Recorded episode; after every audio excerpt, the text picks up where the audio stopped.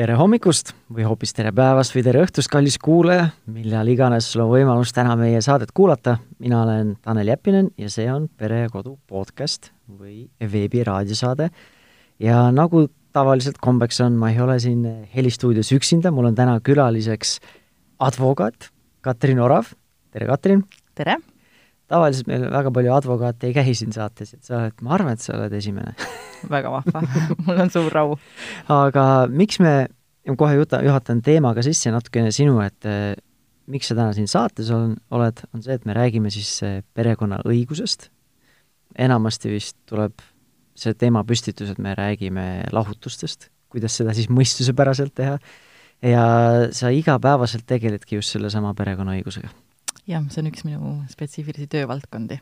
et kogu see teemapüstitus ja sinu see valdkond ka ei tundu väga lõbus olevat, et eh, mm, jah, ma ei tea, lõbus mitte, aga, aga ütleme nii, et kui, ähm, kui ma ikkagi suudan saavutada vanemate vahel või lahutajate vahel ühe hea kokkuleppe, mis ma, mis ma näen, et on ka ütleme, selle lapse huvides, kes, kelle, keda see kokkulepe puudutab, siis ma saan sellest ähm, sellise õnnetunde, ma arvan, et see on kõige parem sõnastus, et mis ma sellest saan. ja seda ma, seda ma suudan uskuda või nii-öelda samastuda sellega, kui ma oleksin sinu rollis, et kui sa tõesti nagu saavutad sellise kokkuleppe, kus tõesti näed, et kõik erinevad osapooled võidavad, kaasa arvatud laps seal vahel. jaa, absoluutselt.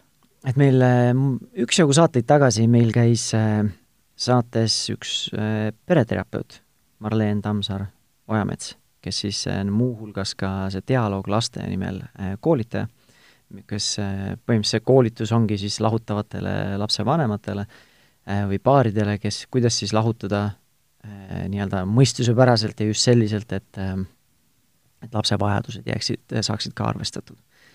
et täna me nii-öelda terapeudi silme läbi väga palju seda teemat ei lahka, pigem nagu sellist advokaadi, advokaadi kogemuse läbi aga see teema jah, ta ei ole nagu väga see nagu populaarne, vaid noh, et jah, et hullult vahva saade, et jagan kõikide sõpradega, vaadake, kui äge saade, on ju. et see pigem, kuigi ta võib olla ka intrigeeriv, on ju, kui me oleme, mis, kui, kui see eksika või huvipakkuja sellise pealkirja siia paneme, aga ta on ikkagi selline, ikkagi tõsine teema, et ta ei ole nagu, nagu see eetriväliselt siin rääkisime ka, et kui ikkagi paar otsustab abielluda, siis enamasti mitte mitte nagu selle mõttega, et nüüd varsti läheb äh, hullult äh, tõsiseks lahutuseks või selliseks konfliktseks lahutuseks.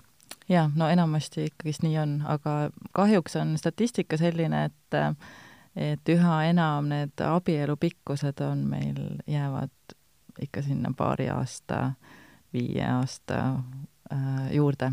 et ähm,, et kuidagi on jah, niimoodi läinud, et neid lahkuminekuid, lahutusi, kooselu lõppemisi äh, Äh, ja sellest tulenevaid igasuguseid vaidlusi on äh, väga palju, aastatega need on tõusnud, äh, sealhulgas on ka kohtunikud tegelikult mitu aastat juba rääkinud sellest, et kohtud on ülekoormatud perekonnavaidlustest. ja eks need, need vaidlused, mis selle pinnalt võivad tekkida, sõltuvad väga palju sellest, et mis on selle milliseid küsimusi siis tuleb ära lahendada, kui, kui see lahutuse aeg või, või kooselu ära lõpeb, et mida siis, mida siis tuleb kõik otsustada ja see suuresti sõltub sellest, et mida on selle kooselu ajal siis pooled loonud ühiselt. et milline on see varade kogum, eks, mis on, mis on aastatega tekkinud ja kas on lapsi, kes on sellest kas kooselust või siis abielust sündinud. ja, ja seal on terve rida küsimusi siis, mida tuleb läbi mängida, et, et saaks rahumeelselt ja eelkõige rahumeelselt saaks lahku minna mm. -hmm. tuleme nende sagedaste tüliõunade juurde tagasi, aga mis siis Eesti see statistika on, et eh, ma ei tea, kas pooled abielud lahutatakse või? ma neid numbreid ei oska sulle öelda, et äh, aga noh, ütleme jah, vot jään võlgu selle vastuse. et ma üldiselt, ma ei, see, need, seda statistika on kuskilt läänemaailmast, et on esimeste abielude puhul on, kipub see olema umbes fifty-fifty või pooleks, mhm. on ju, ja, ja siis paljude lahutanute nii-öelda võib-olla meelehärmiks on see, et see teiste abielude teistkordse abielu või see kolmandakordse, kolma, kolme, kolmanda abielu see lahutusprotsent on isegi kõrgem, on ju. on kõrgem? ja et, et kui arvatakse, et ma, ma leian nüüd selle veel parem, parema partneri, tegelikult need mustrid kipuvad nagu kaasa tulema, et tegelikult on see, need tõenäosused on isegi suuremad, aga see on jälle tõenäosus, see ei tähenda ju, et noh, et see on minu puhul samamoodi, et et nagu ma olen siis paljudest nendest, et kes ma arvan, et no võib-olla me, me ei lähe kunagi lahku. ma ei saa öelda mitte kunagi, aga selles mõttes ma nõustun sellega, et kui ma oma naisega abiellusin, siis mitte selle mõttega, et me nüüd X aastate pärast ja. peaksime nüüd lahutama hakkama. ja noh, isegi kui me peaksime lahutama hakkama, siis jälle on see mõte, nagu me küll ei lähe seda teed, et nüüd läheme nüüd, ma ei tea, läheme isiklikuks ja lähme mingi ründavaks, hakkame teineteise, ma ei tea, isiksust maha tegema ja isikuna teist maha tegema ja nii edasi. aga kunagi ei tea, mis, mis need jah. päästikud võivad olla, mis viivad sinnani. jah, tegelikult ongi, et me, kuni me ei ole selles olukorras olnud, siis me ei tea. aga me kõik tahame loota, et me kuulume nende mõistlike inimeste mm -hmm. hulka, kes siis, kes siis mõtlevad läbi, aga ma arvan, et üks, üks selle võti võib, võib ka olla see, et, et inimesed abielludes teadvustavad, teadvustavad, kuhu nad nüüd siis satuvad pärast seda jah ütlemist. ja seda nii siis varalistes suhetes, ja, ja lastesuhetes ka, aga eelkõige just varalistes suhetes, mis on ju üks, üks selline suurem vaidlust tekitav teema, et mis siis saab sellest vara kogumist, mis on aastatega soetatud, eks. et hästi lihtne on seal abiellumisavalduses teha ristike kuskile, kas siis ühisvara või lahusvara režiimile, aga paljud tegelikult ei tea, mis see tähendab või mida see siis kaasa toob, et kelle raha ikkagi see minu rahakotis on. et kas see on minu raha või see on meie raha ja, ja, ja kui me ostame midagi, siis äh, kellele see kuuluma hakkab, et me ei mõtle sellele sinnamaani, kuni ükskord juhtub see, et on vaja minna lahku. aga ma arvan, et kui inimesed teadvustaksid rohkem, äh, nad saaksid aru, kellele midagi kuulub ja, ja kui peaks midagi juhtuma, et mis siis saab, siis oleks võib-olla seda emotsiooni, mis on niigi, kindlasti lahutused ongi väga emotsionaalsed ja väga keerulised, aga seda oleks vähem, kui me oleksime teadlikumad sellest, et äh, mida me siis selle abielu ajal loome ja, ja mis võib sellest ühel hetkel saada. et nii-öelda need mängureeglid või siis need ootused on juba varakult ette kommunikeeritud, mina ma... tean et sina tead ja sina ja, tead, mina tean, meil on paberi peal mingid asjad kokku ja, lepitud. jaa, no isegi ta ei pea paberi peal, aga võib, aga ma arvan, et see on lihtsalt, lihtsalt see, mille poolt ma olen alati olnud, et varalised suhted peavad olema hästi selged mm. -hmm. et kuna see on üks hästi oluline asi, et eriti kui meil on sellised ähm, sellised paarid, kes on, äh, käivad nii-öelda ebavõrdselt tööl või et üks on olnud kodune, teine käib tööl ja siis, kui on lahkuminek, siis see, kes on tööl käinud, sellel tekib justkui selline tunne, et et kõik on minu oma, sest mina ju teenisin selle raha ja minu raha eest on see siin kõik ostetud. et äh, kui on äh, pooled valinud ikkagist teadlikult ühisvara, varasuhte endale, siis nad peavad ka teadvustama, et sõltumata sellest on see, on see meie mõlema vara võrdselt ja, ja eks need, eks need kojujäämised peavad olema ka siis poolte vahelised kokkulepped, et kunagi sai ju nii kokku lepitud, et ja sellest, sellest tuleks siis lähtuda ja kinni pidada, et ma arvan, et see on ka üks, üks võimalus, kuidas, kuidas neid konfliktsemaid lahutusi vältida, jättes kõik emotsioonid kõrvale, mis sellega niikuinii kaasnevad. No neid emotsioone ilmselt on lahutusega päris palju, et ma ei oska ette kujutadagi, et juba see, et nagu enda purunenud mingid unistused on ju perele, suhtele, võib-olla isegi äh, selline kainestav peeglisse vaatamine, et enda, enda mingid vigade tunnistamine ja lisaks siis, kui me rääkisime, kas on, ongi need kaks kõige põhilisemad teemad, lapsed ja vara, ja vara. Mm. -hmm, et äh, need on ka päris sellised isiklikud ja emotsionaalsed teemad, et kui neid hakata nii-öelda tõesti nüüd jagama või neid, neid yeah. nii-öelda maid jagama, et siis see on, on juba nagu eos näha, et see, et see võib olla selline emotsionaalselt laetud situatsioon. jaa, no mõistlikkus ja see on umbes sama, nagu ütled endast väljas inimesele, rahune maha nüüd. Nagu, aa okei ma ei tulnudki selle peale, muidugi, hea, et sa meelde tuletasid no,. kuidas ma ise selle peale ei tulnud?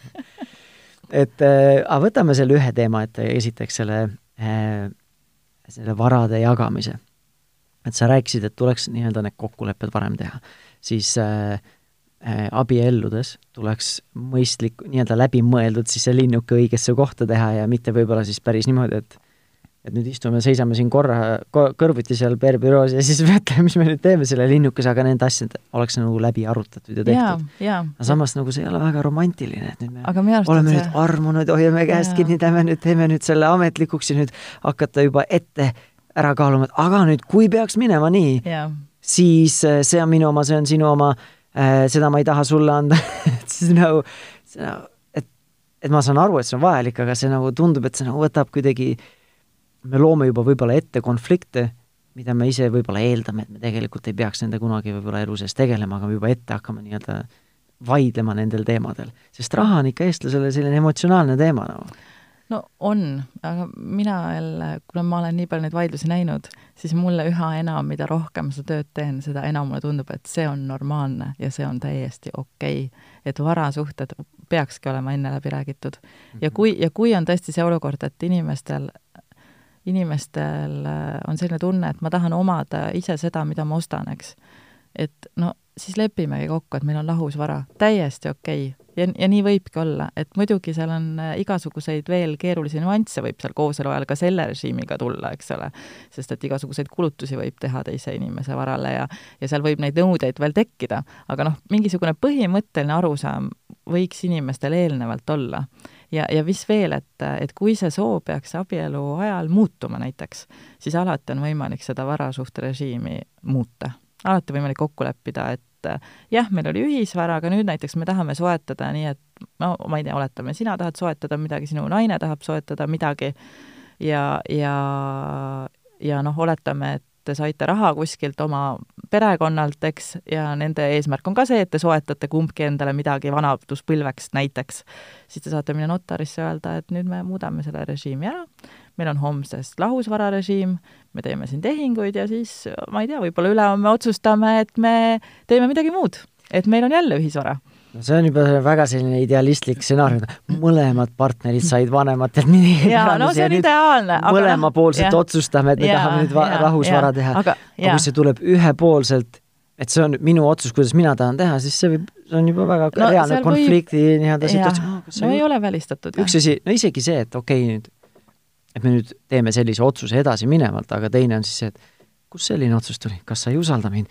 kas sul on armuke, kas jaa, no ei, ei ole välistatud, et see tekitab mingeid küsimusi, eks, aga noh, mõistlikult jälle, mõistlikult saab need läbi arutada, et loomulikult see kõigi puhul ei toimi. aga kui me räägime nagu ideaalmaailmast, mis hoiaks ära igasuguseid selliseid konfliktseid lahutusi, kus me täna oleme, siis noh, see võib olla üks nagu selline asi, mille peale mõelda et see ei tähenda üldse seda, et, et suhe on nagu, et suhtes on midagi halvasti või et nagu, et nüüd ei ole usaldust või midagi on nüüd juhtunud, et miks me nii teeme. ma arvan, et see on lihtsalt selline normaalne majandamise viis, mis on, mis on kõigile selge ja võib-olla inimesed elavadki elu lõpuni õnnelikult ja kõik lähebki jumala hästi ja, ja see, ja selleks inimesed ju abielluvadki, et läheks jumala hästi ai, ma nõustun, et mina olen üks nendest, kes nagu no, ja nagu ei mõelnud üldse sellele, siis mõtlesin, abiellun oma naisega, loodame lapsi saada, tema ka aitab lapsi kasvatada, mina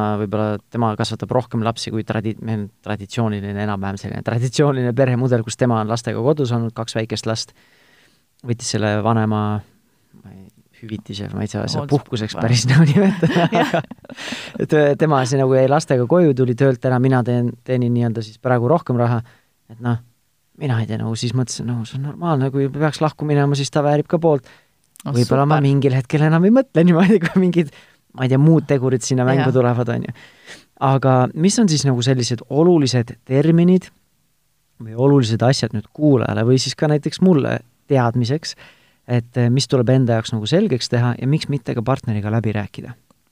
no vot, alustame just sellest vararežiimist, et eh, tuleb aru saada sellest, mis, mis meie vara on ja, ja mida see tähendab, mida tähendab raha minu rahakotis, mida tähendab raha minu kontol, minu säästukontol, minu investeeringud, äh, minu pension, et äh, mida tähendab ma ei tea, mingi mööbliese, mida me ostame, on ju.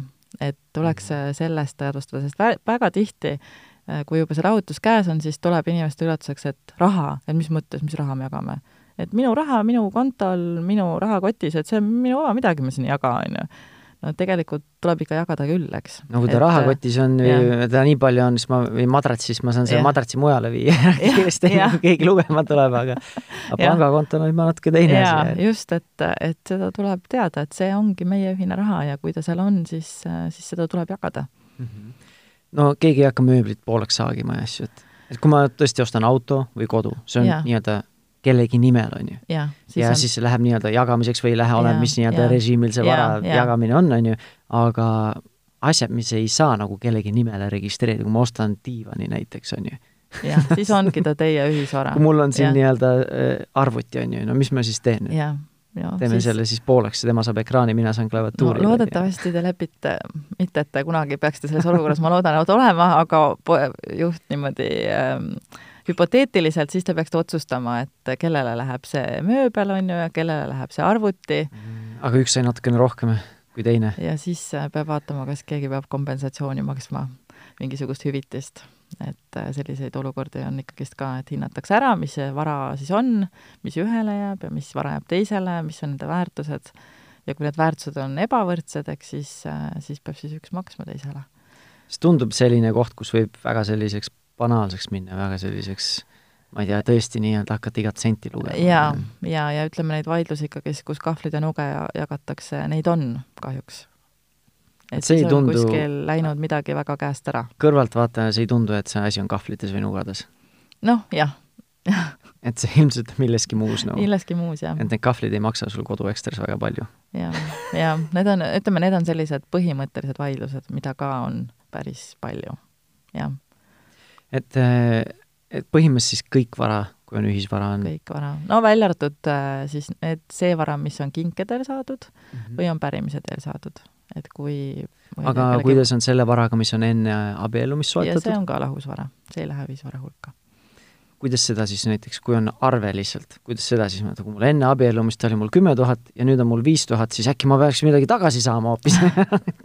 No rahaga on üldse väga keeruline tuvastada, et, et kus, kas see on nüüd seesama raha või see on mingisugune mhm. teine raha, et kui see on, kui sa oled selle nii-öelda nagu perekonna see... huvides ära lihtsalt söönud, siis, siis see raha on see on nagu laosüsteem, et kuidas see oli, et see, mis enne la-, lattu sisse tuli, siis see läheb viimasena välja mis iganes, et jah. okei okay., mis on sellised veel olulised teemad, mis selle varaga on oluline enda jaoks selgeks teha?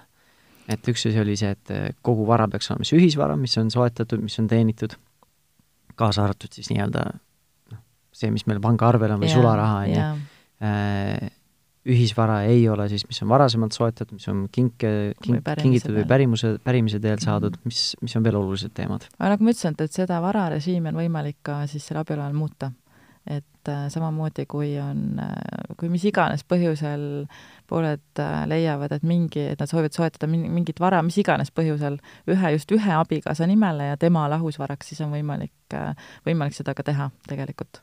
et see on ka täiesti, täiesti mõeldav. kuidas Eestis, Eesti seadusandlusega see on reguleeritud, et kui no näiteks maailma mastaabis väga see kuulus nii-öelda lahutus oli siis see Jeff Bezos, kui nemad lahutasid oma naisest. Jeff Bezos, kes on siis maailma kõige rikkam mees, on ju, ja kui nad äh, lahutasid, siis naine sai üheks rikkamaks naiseks, sai mingi sadu miljoneid dollareid, on ju. aga no ma ei ole detailidesse süvenenud, sest mul ei ole mingi sellist ma ei tea, väga fanaatilist huvi teiste lahutuste peale või selle, selle teema vastu, aga no nii palju, kui minu nii-öelda äh, minu arusaam on, et siis äh, neil ei olnud seda vara lahusust, mingit lepingut aga see põhimõtteliselt ei ole ju äh, tal selles nii-öelda, kui me vaatame inimese nii-öelda seda net worth'i või mis iganes rahalist väärtust mm, -hmm. siis mhm. see ei ole ju raha arve peal, see, see on ettevõtte hinnang, nii-öelda selline väärt-, äh, see nagu hinnang või rahaline yeah, hinnang, on ju yeah,. Yeah. et kuidas Eestis see, seda nagu jagada, et ütleme näiteks, kui üks on eraettevõtja mm, -hmm. üks osapool, ja kuidas siis seda nagu jagada, kas tõesti hinnatakse ettevõte ära ja nüüd sa pead andma pool ettevõtet oma partnerile ja nüüd tuleb sul viiskümmend, viiskümmend nii-öelda partneriks sulle sinna yeah, kõrvale yeah. või siis pean nagu iseenda üles ehitatud ettevõttele siis nii-öelda pool välja ostma, kuigi mul ei olegi seda võib-olla raha, et seda mm -hmm. välja osta nagu. jah, no, jah, no see ongi päris äh, tavaline stsenaarium, eks, et, äh, et põhimõtteliselt jah, et kui see on sada protsenti olnud nii-öelda sinu poolt äh, sinu poolt loodud, sina oled seal ainuaktsionär või ainuosanik, siis äh, ja nüüd see abielu lahku läheb, siis, siis tõepoolest seesama sada protsenti osalus ongi teie ühisvara osaks, on ju kuulub ühisvara hulka ja järelikult nüüd äh, sõltub teie kokkuleppest, et kuidas te siis seda jagada ideaalis tahate, et äh, võib-olla te olete väga sõbralikud lahkuminejad ja, ja võib-olla on just äri olnud see, mis teid nagu kuidagi ühendab ja võib-olla on naisel ka väga hea ärivaist ja näiteks te otsustategi, et okei okay,, et me jagame seda niimoodi, et tema saab näiteks viiekümne protsendi suuruse osaluse mis äh, tõenäoliselt on äh, väga harv nähtus, et nii juhtub, aga ei ole välistatud, eks. no siis on, teine võimalus on see, et tõesti hinnatakse ära selle osaühingu väärtus siis. ja, ja nüüd sõltuvalt sellest peaks siis see, kes selle osaühingu ainuosanikuks jääb, peaks ta maksma teisele poolele hüvitist noh, ja kui nüüd seda üldse noh, maksta ei ole, siis võib rääkida sellest, et see osaühing tuleks äkki maha müüa ja, ja siis jagada sellest saadav raha poolte vahel võrdselt ära. või siis panna kinni ja teha uus no see see noh, üleöö kindlasti see kinnipanemine ei käi ja kui ta ka kinni paneb, siis tõenäoliselt sellest sünnib mingisugune noh, ikkasi mingisugune vara, eks.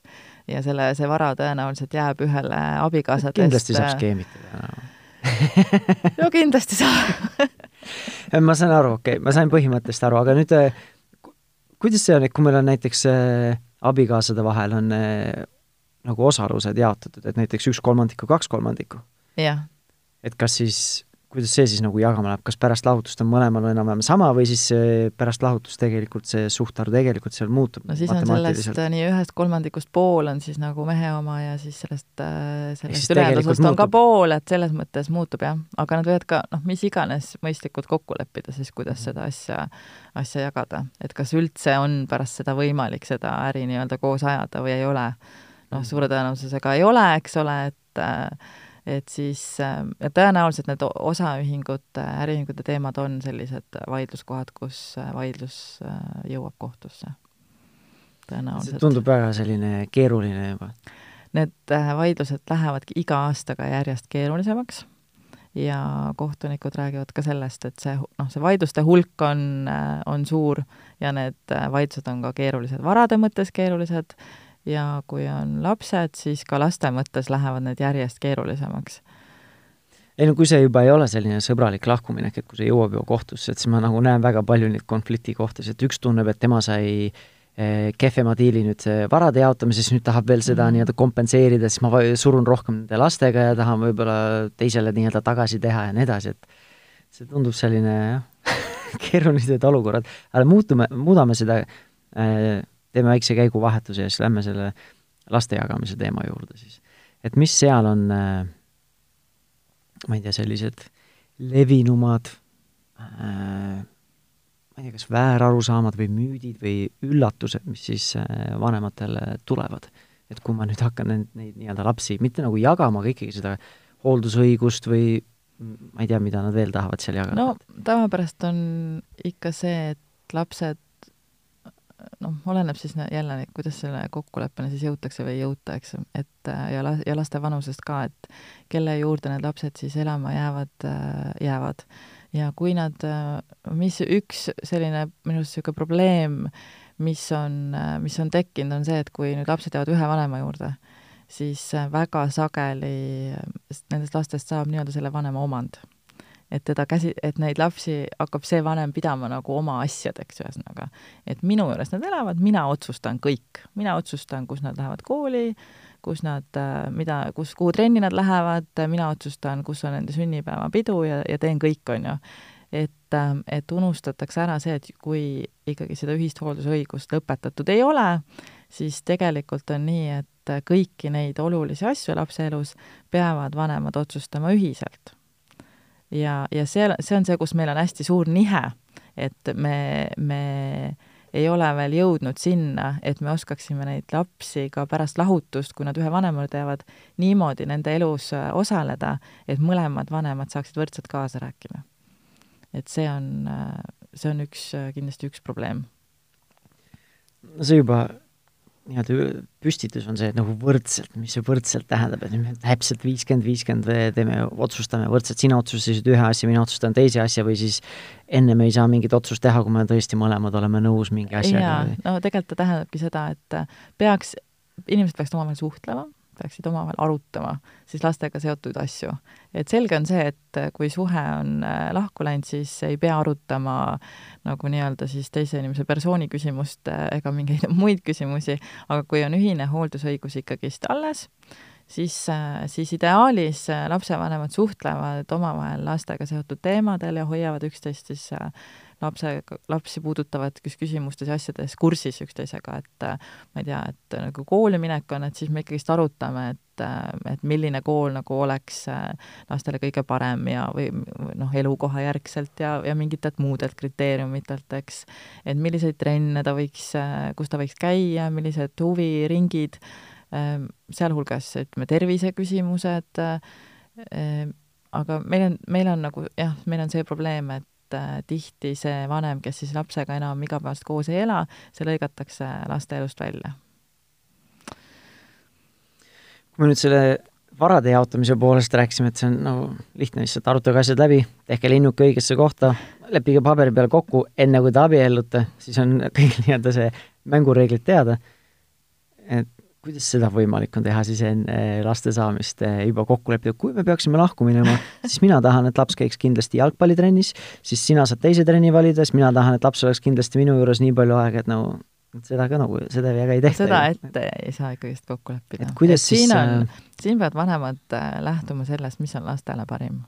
ja lastele parim on kindlasti see, jättes kõrvale kõik äh, vägivaldsed juhtumid, nii vaimne, füüsiline vägivald, kui me jätame selle kõrvale, siis äh, eelduslikult on ikka lastele parim, kui tal on kaks vanemat ja, ja nii-öelda vanemad, kes omavahel hakkama ei saa, äh, nende puhul on tõenäoliselt ka lastele parem, kui nad koos ei ela, äh, aga see siiski ei tähenda seda, et nüüd see vanem, kes enam lastega igapäevaselt koos ei ole, et tema enam ei oleks vanem.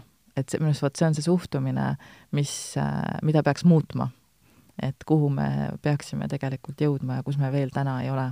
see on ka siis, kui ühel vanemal on siis see ainu kui on ainuhooldusõigus, see on täiesti erinev olukord, see tähendab nüüd seda, et et võrdseid õigusi enam ei ole. et ühele vanemale on antudki ainuhooldusõigus, no seda saab anda ka mingites erinevates küsimustes, näiteks et mis on väga sagedane, ongi see, et ainuhooldusõigus antakse viibimiskoha küsimuses näiteks, oletame, lapse emale ja see tähendab seda, et lapse ema juures lapsed elavad, tema otsustab, kus, kus siis lapsed, noh, kus lapsed elavad, tavaliselt siis järelikult siis lapse ema juures aga muudes küsimustes, kui ainu, kui ühist hooldusõigust ei ole muudes küsimustes lõpetatud, siis kõik muud teemad tegelikult on need, mida peaks koos arutama. ja siia ei lähe muidugi need igapäeva olmeküsimused, et äh, palju laps sööb ja, ja, ja mis ta täna kooli, mitu raamatut ta kaasa võtab, et seda et ei pea. kummad püksid me peaksime ja, ostma talle, kas need või see, et saadab äh, Facebooki sõnumiga sul kogu aeg? et see, see ei ole nagu see, aga küll aga sellised äh, ikkagist niisugused äh, põhimõttelisemad küsimused võiks olla arutatud,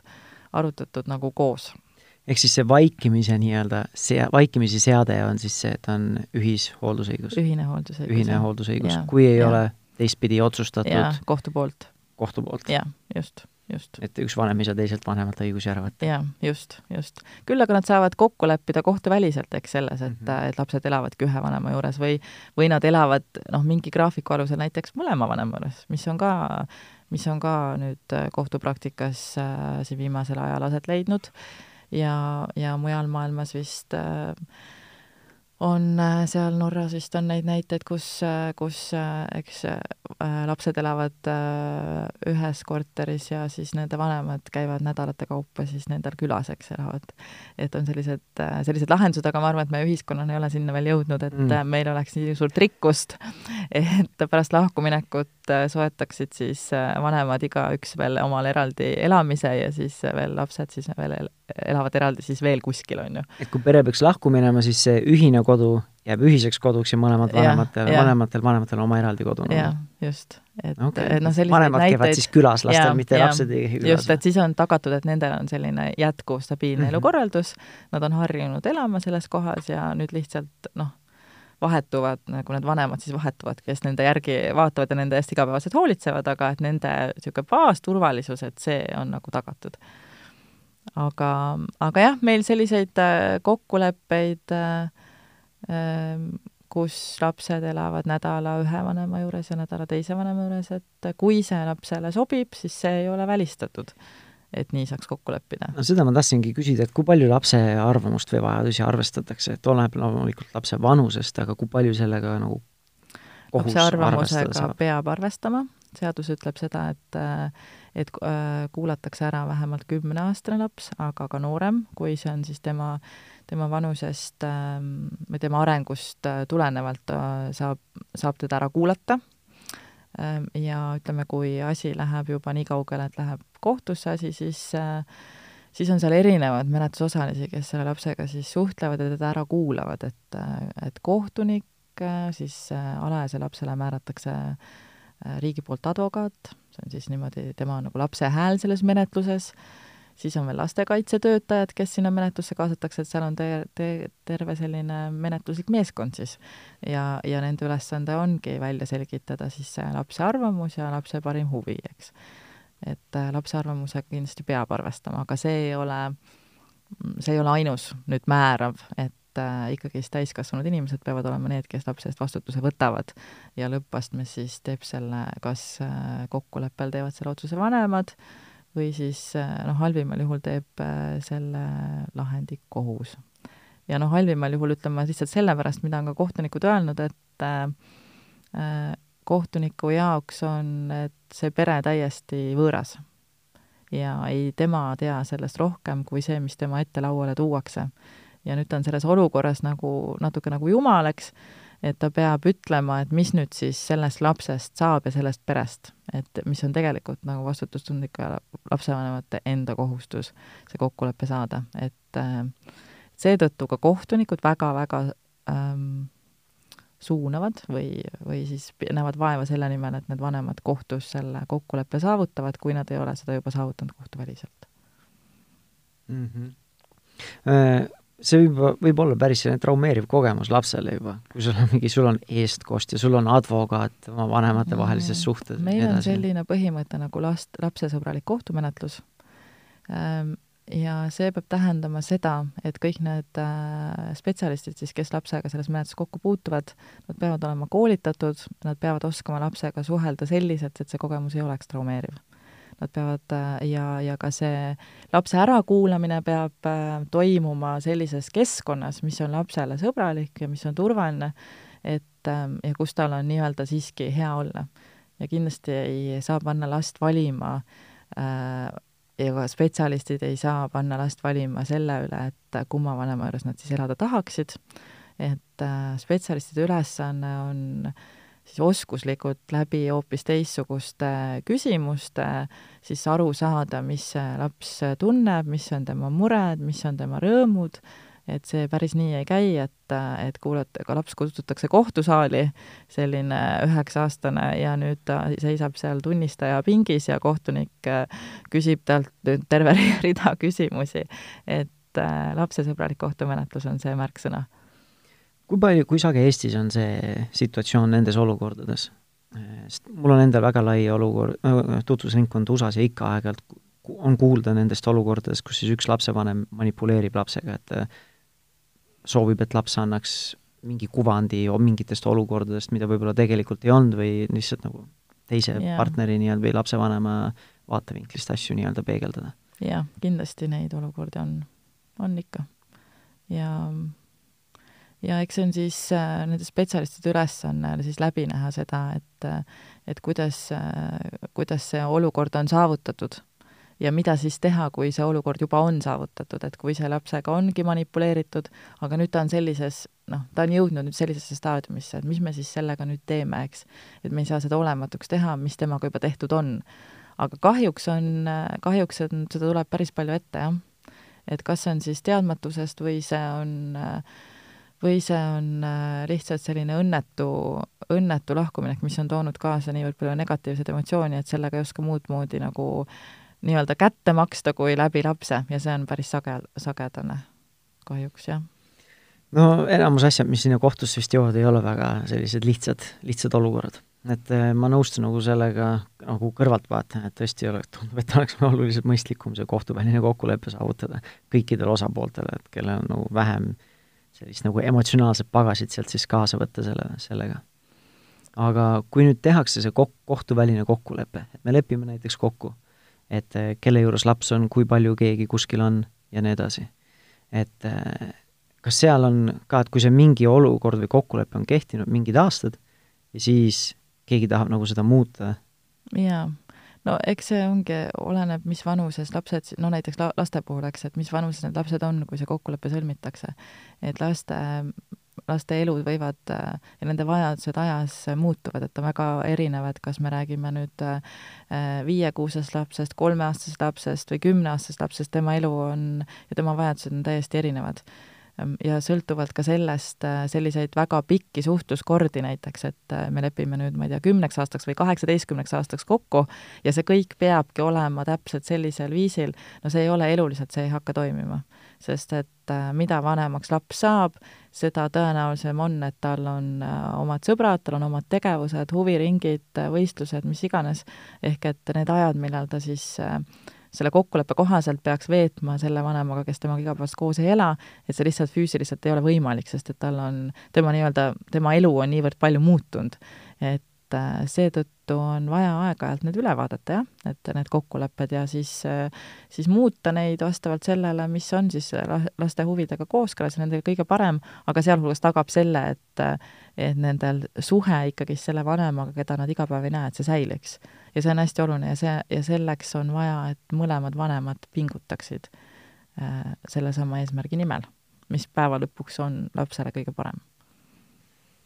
No see tundub olevat äh, selline hea äh, nii-öelda fookus iseendale, et äh, mis need lapse vajadused on, miks, mis lapsele kõige parem on. ja kui me sellele suudaksime keskenduda, siis ma arvan, et paljud, paljud need lahutused oleksid rahumeelsemad, lihtsalt sagedasti ei suuda seda, seda esikohale seada. just ähm, oskad sa nagu jagada ka mingeid, ma ei tea, mõtteid, et miks üldse, miks tõesti püüda rahumeelselt neid asju lahendada, ilma selleta me läheme, veame kogu oma perekonna mingi musta pesu kuskile kohtusse, et et miks, miks rahumeelselt omavahel nii-öelda neid kokkuleppeid teha, mitte kohtusse minna? no elu üldse ja praktika näitab seda, et äh, kui need kokkulepped on sündinud kohtust väljapoole ja, või siis isegi, isegi lõpuks selle kohtumenetluse käigus on need pooled saavutanud selle kokkuleppe, siis see on kuidagi emotsionaalselt vastuvõetavam ja on äh, oluliselt suurem protsent tõenäosust, et need kokkulepped hakkavad tööle. Versus see, et keegi teeb otsuse teie eest ja see ei pruugi kummalegi meeldida et see võibki olla päeva lõpuks nii, et äh, mõlemad pöördusid kohtusse, mõlemad tahtsid nagu parimat või halvimat, aga siis äh, kohus tegi hoopis mingi muu lahendi ja nüüd mõlemad peavad sellega elama, eks. et tegelikult see on äh, nende vanemate elu, nende vanemate laps, et, et miks peaks otsustama selle üle keegi kolmas inimene kuskilt. ja, ja ega see, vaatamata sellele, et see menetlus peab olema sõbralik ja kõik, eks see ikkagist puudutab, see jätab mingisuguse puutumuse ikkagist sellele lapsele täpselt samamoodi. Ehm, ja, ja kui inimesed on juba kohtus, siis on suhteliselt selge, et ega nende vahel enam mingit normaalset suhtlemist pärast seda olla ei saa. Et, et sellest üle saada, et keegi on sind kohtusse andnud, on väga keeruline, mistõttu kokkulepe tähendabki seda, et kumbki pool peab milleski nagu alla andma, millestki peab loobuma, mingi väikse osa ja ütlema, et okei okay,, et äh, lähme eluga edasi. sest mida kiiremini kokkulepe saavutatakse, seda kiiremini inimesed lähevad oma eluga edasi ja kui lahkuminek on, siis on ta niikuinii. ja seda ei ole võimalik nagu tagasi pöörata. ehk et äh, mida kiiremini saavad need küsimused lahendatud, seda suurem on tõenäosus, et nii-öelda see valu möödub noh, suhteliselt kiirema aja jooksul kui see, et me alustame aastaid kestvat kohtuvaidlust ja see kogu aeg, see emotsioon, see negatiivne emotsioon on kogu aeg üleval ja kogu aeg ma nagu toidan sellest ja ja, ja, ja noh, laste mõttes samamoodi, et ju küll nad tunnetavad seda, et vanemate vahel tegelikult see suhtlemine ei ole okei. okay ma olen sellega sada protsenti nõus, et lapsed tunnetavad seda energiat ja neid emotsioone. Um, kas see, irooniliselt see võiks võib-olla hoopis paarid kokku tuua, kui nad saavad otsuse, mis kumbagi poolt ei rahulda, et see, meil on nüüd ühine osa, millega me mõlemad nõustume, et et kuule, teeme ise hoopis parema kokkuleppe, äh, vot seda ma pole veel näinud, tõenäoliselt tähendab see lihtsalt seda, et kui see tuleb see kohtuotsus, millega kumbki rahul ei ole, siis see kaevatakse edasi ja see menetlus ja, ja, ja see menetlus jätkub veel teise astme kohtus ja ja võimalik, et isegi kolmanda astme kohtus. et see sellega ei lõpe. Väga romantiline suhtumine oli siis minu poolt. Meil on midagi ühist, et tuleme kokku, teeme parema kokkuleppe. aga nüüd, kui, kui on selline olukord, kus tõesti tundub, et noh, ei pääse lahutusest, et kas oleme liiga erinevad inimesed, meil on väärtushinnangud, võib-olla noh, halvimal juhul on tõesti seal mingit väärkohtlemist olnud, et mida siis sellega teha või kuidas siis edasi nagu eh, liikuda või mida selle arusaamaga nüüd teha, kui ma olen jõudnud arusaamale, et me, et tuleb lahutus? Jah, no siis, siis on, siis ongi vaja teha selgeks endale nagu, no kõigepealt see emotsionaalne külg, eks, millest kindlasti aitavad äh,, aitavad psühholoogid, kui seal on selline olukord, et on vaja psühholoogi abi äh,, on olemas perelepitajad, kes aitavad siis äh, äh selles äh,, eeldatavasti selles staadiumis, kus me pole veel nagu kohtusse jõudnud, aga perelepitusi saab läbi viia ka kohtumenetluses äh,, kes ja perelepitaja vahendusel siis võiksid need kokkulepped sündida. aga samamoodi on siin oluline roll last, lastekaitsel, kui on nagu, kui need äh, vaidlused siis puudutavad just lapsi, ja, ja päeva lõpuks õiguslikud küsimused loomulikult advokaatide ja juristide pädevuses, et ähm, ja, ja igasuguseid vara jagamise kokkuleppeid äh, saab sõlmida kohtuväliselt äh, notari juures, sealhulgas abielu lahutada et äh, ütleme, et äh, enne kohtusse pöördumist on päris palju, mida inimesed saavad ära teha.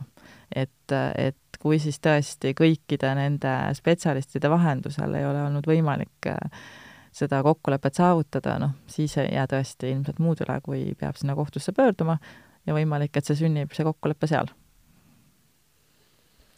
nii et on, on millega tegeleda kindlasti.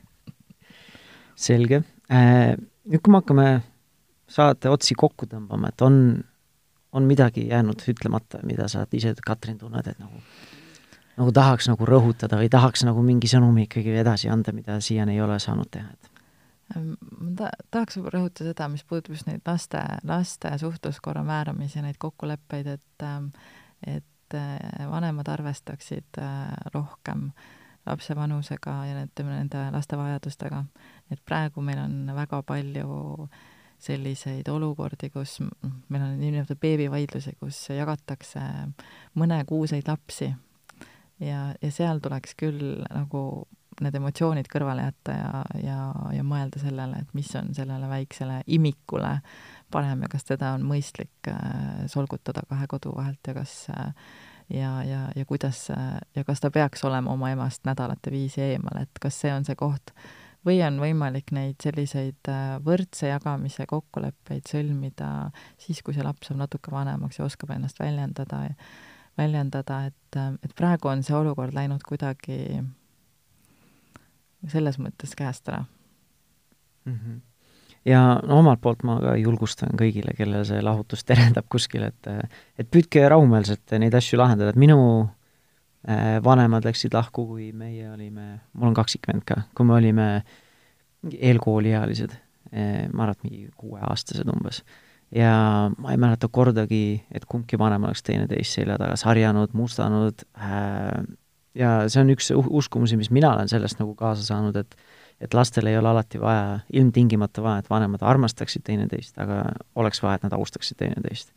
et äh, et kui seda arma, armastus saab nii-öelda otsa või mingid muud konfliktid seal tulevad, siis vähemalt püüda, püüda nagu see austus kuskilt leida. väga hästi öeldud aitäh aga, aga aitäh sulle, Katrin, et sa, et sa tulid äh, sellel võrdlemisi keerulisel teemal arutlema ja oma mõtteid jagama ja oma ekspertiisi jagama. aitäh! aitäh sulle ka, kuulaja, et sa võtsid vaevaks ja, ja andsid, andsid aega meie tänasele saatele kui tänane saate teema läks sulle korda, siis antud teemal me väga palju teisi saateid ei ole siiamaani salvestatud, aga meil on üle viiekümne saate nii-öelda purgis või arhiivis ja need leiad sa siis oma nutitelefoni podcasti rakendusest või siis Spotify'st või Delfi ja Pere ja Kodu veebiväljaandest. ja kui sa minuga soovid kahepoolselt suhelda, siis minu sa leiad Facebooki grupist Positiivne ja rahumeelne vanemlus, kuhu meid praeguseks on kogunenud juba üksteist, kaksteist tuhat Eesti lapsevanemat, nii et äh, liitu sinagi, kui sa juba seal ei ole. aga aitäh sulle veel kord, kuulaja, ja järgmise korrani!